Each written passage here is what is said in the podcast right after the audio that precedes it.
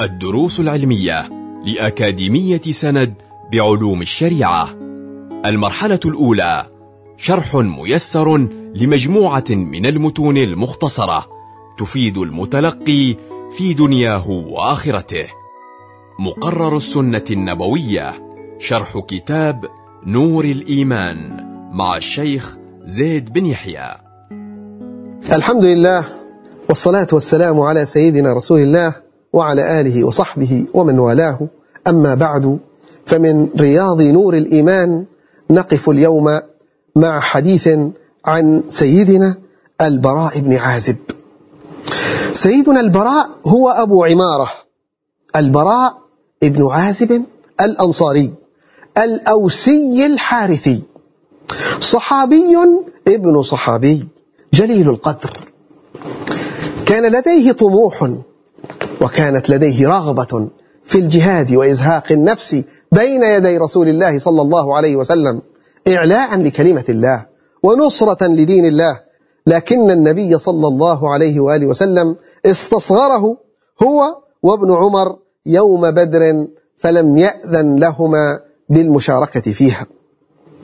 لكنهما شهدا أحدا وما بعدها وشهد بيعة الرضوان وشهد الفتح شهد هو وأخوه عبيد مع الإمام علي أيضا بعد وفاة رسول الله صلى الله عليه وآله وسلم الجمل وصفين والنهروان ونزل الكوفة ومات بعد السبعين في أيام مصعب بن الزبير رضي الله عن سيدنا البراء بن عازب. والحديث الذي نحن بين يديه الذي يرويه سيدنا البراء بن عازب إنما هو عن سنن النوم. فيقول عن النبي صلى الله عليه وآله وسلم قال إذا أتيت مضجعك فتوضأ وضوءك للصلاة ثم اضطجع على شقك الأيمن ثم قل اللهم أسلمت وجهي إليك وفوضت أمري إليك وألجأت ظهري إليك رغبة ورهبة إليك. لا ملجأ ولا منجأ إلا إليك.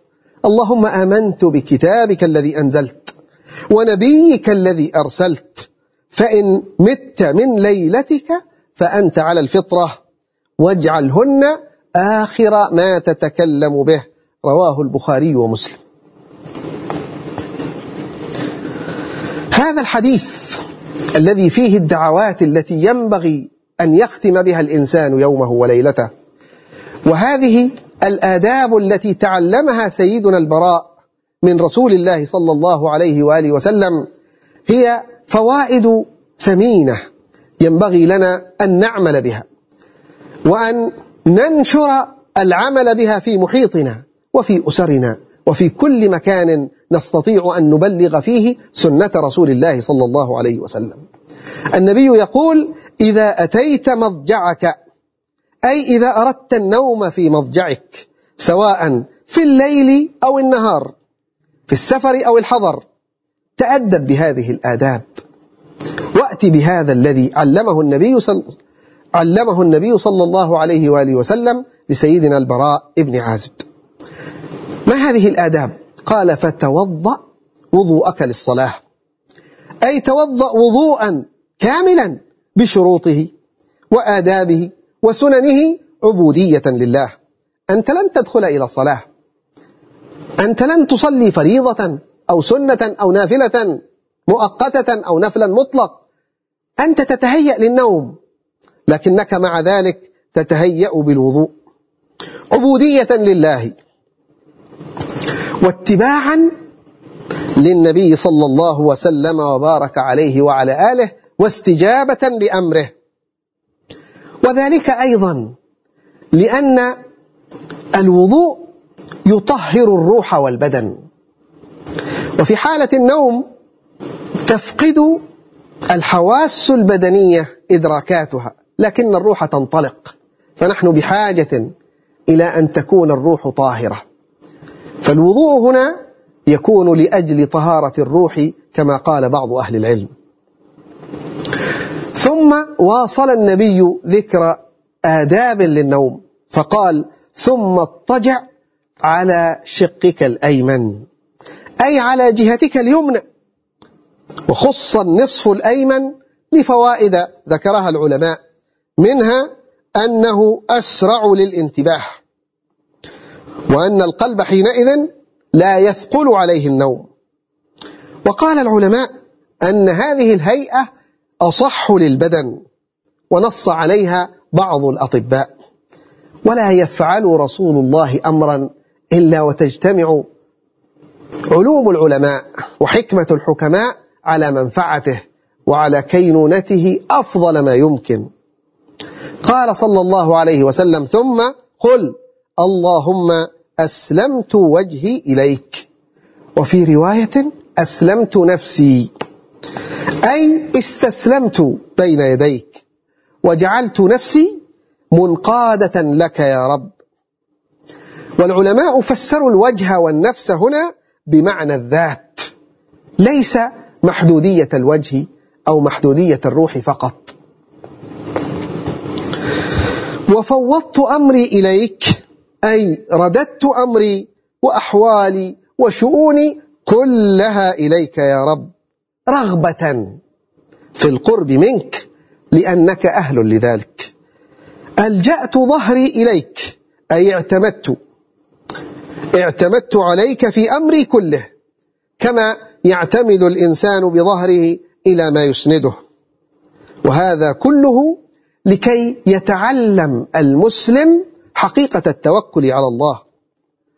فقد جاء في الحديث عن النبي صلى الله عليه وآله وسلم أنه جاءه رجل فقال يا نبي الله أخلي ناقتي وأتوكل أتركها هكذا هملا خارج المسجد أو أعقلها وأتوكل.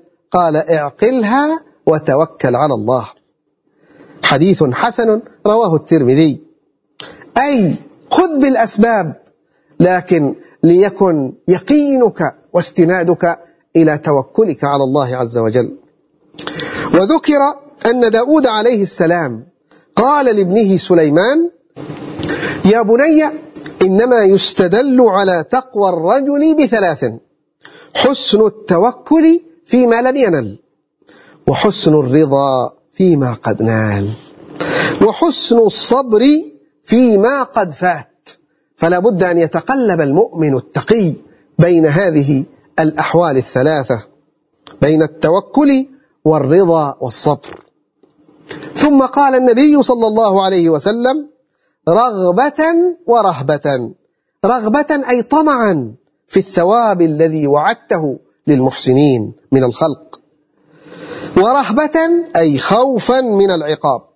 لا ملجأ ولا منجى منك إلا إليك.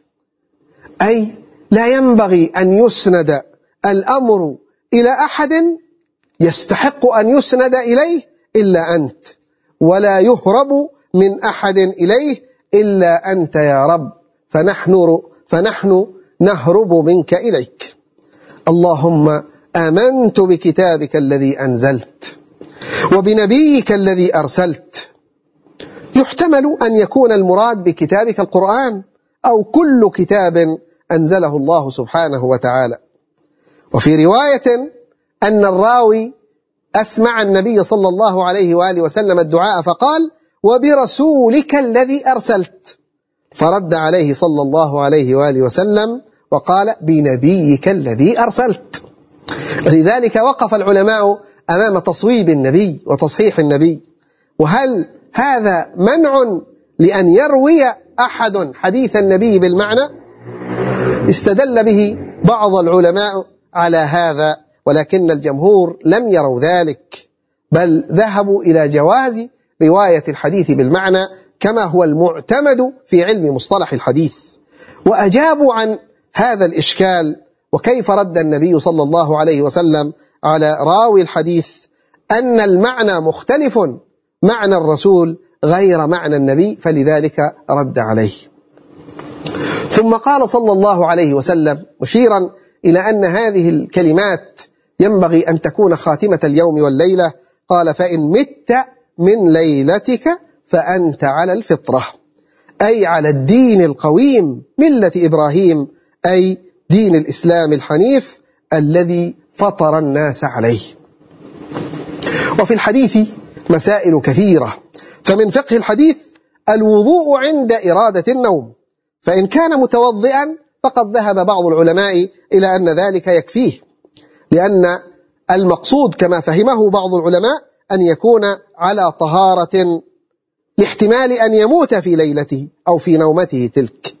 وليكون أصدق للرؤيا. وليكون أبعد عن تلاعب الشيطان به في منامه وترويعه إياه. وإن كان ظاهر الحديث يشير إلى استحباب الوضوء ولو كان الإنسان متوضئا. ومن فقه الحديث أيضا النوم على الشق الأيمن من الآداب لأنه صلى الله عليه وآله وسلم يحب التيامن فمن سنته محبة التيامن في شؤونه كلها. ولأنه أسرع إلى الانتباه. ومن فقه الحديث أيضا ذكر الله ليكون خاتمة أعمال الإنسان مناجاته وذكره لخالقه. ومن فقه الحديث أيضا الرجوع إلى الله في كل وقت. فقد جعل النبي صلى الله عليه وآله وسلم آخر ما يتلفظ به المسلم في يومه هذه الكلمات التي فيها معاني التفويض والتوكل على الله في كل الأمور وفي كل الشؤون. ومن فقه الحديث أيضا ندب الذكر عند إرادة النوم الذي يترتب عليه مفارقة الروح للجسد وقد يموت الإنسان في أي لحظة. ولذلك ينبغي أن ينتهز الفرصة فيجعل آخر كلامه مناجاته لله عز وجل. والحديث كما رأينا مليء بمعاني التوكل والتفويض لله في كل شأن وفي كل حال.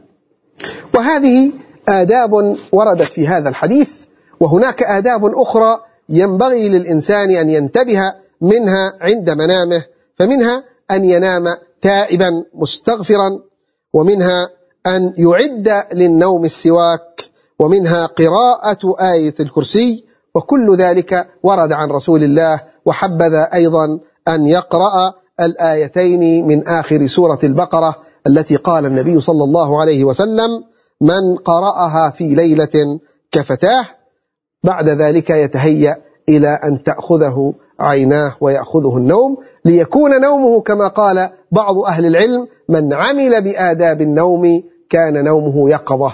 نسأل الله عز وجل أن يوفقنا للعمل بآداب رسول الله وبسنن رسول الله صلى الله وسلم وبارك عليه. والحمد لله رب العالمين. كنتم مع الدروس العلمية لأكاديمية سند بعلوم الشريعة. يمكنكم متابعة جميع الدروس عبر موقع الأكاديمية وتطبيقاتها الإلكترونية. سند علم سلوك دعوة.